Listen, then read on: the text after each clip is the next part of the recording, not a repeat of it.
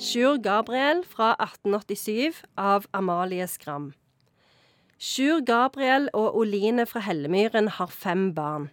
Oline er alkoholiker, og Sjur Gabriel banker jevnlig opp. Det er generelt mye nød, fattigdom og dårlig stemning. Og når det midt i boka går litt bedre, så går det til gjengjeld mye, mye verre mot slutten. Når det høres så ille ut at vi begynner å le. Ja, det er så ille. Altså, det, det jeg, jeg, kan ikke forklare nesten hvor ille det er. For de, de har fem barn.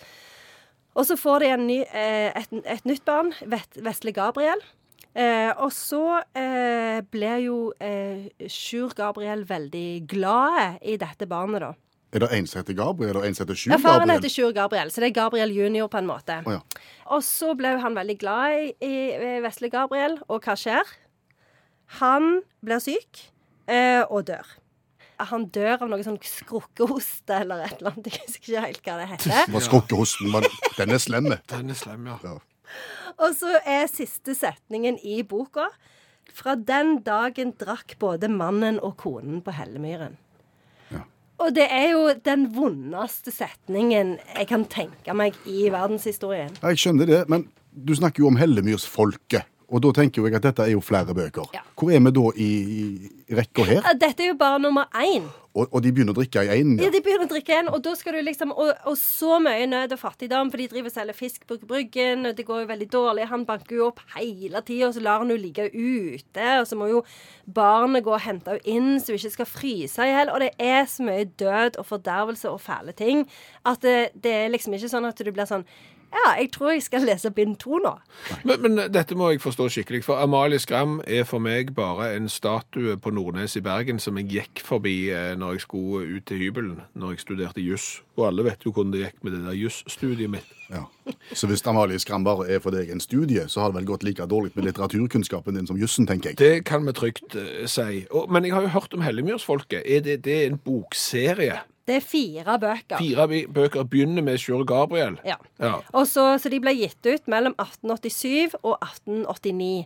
Eh, og disse bøkene eh, tilhører jo den litteraturhistoriske perioden som vi kaller for naturalismen. Det var den vi var innom med Garborg? Nemlig. Når alt er trist, og når du tror det ikke kan bli tristere, så blir det bitte litt tristere. Og hvis du prøver å gjøre noe med det, nei, Fortida di er forutbestemt. Du kan gjøre hva du vil, det nytter ikke. Nemlig. For okay. er det eh, Amalie Skram antyder, da, det er at det, grunnen til at Sjur Gabriel mister, mister Vesle Gabriel, det er at han eh, i ungdomsåra har fått et barn med en eller annen tjenestejente eller et eller annet, jeg husker ikke helt. Og da eh, er det barnet dødfødt, og så begraver de det bare i, i liksom jorda, i et sånn et fjøs, da. Så det, det, er tydelig at det, dette her er liksom Gud som har tenkt at nå skal jeg eh, ta Sjur Gabriel, siden han gjorde det slemme i ungdomstida si. Så det er liksom det, determinisme. Altså det du har gjort før, det kommer tilbake og hjemsøker deg, og det er ingenting du kan gjøre for å hindre det.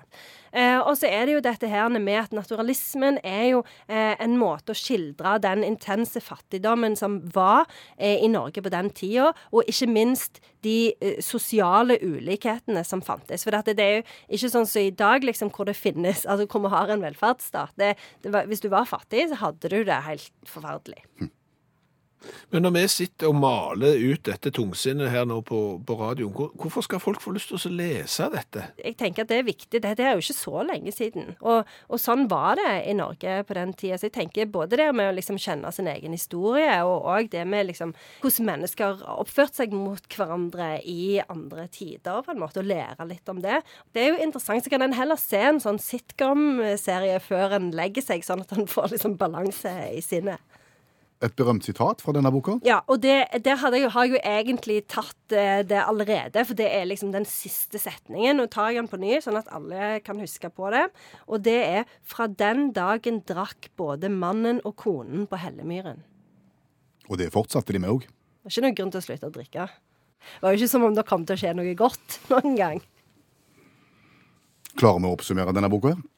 Dette her er jo bare en ren misere fra ende til annen, men Jeg vil bare oppfordre alle foreldre nå som eventuelt har eh, fem unger og har tenkt å velge seg én favoritt. Eh, Ikke gjør det, for du vet aldri hvem som plutselig kommer til å dø.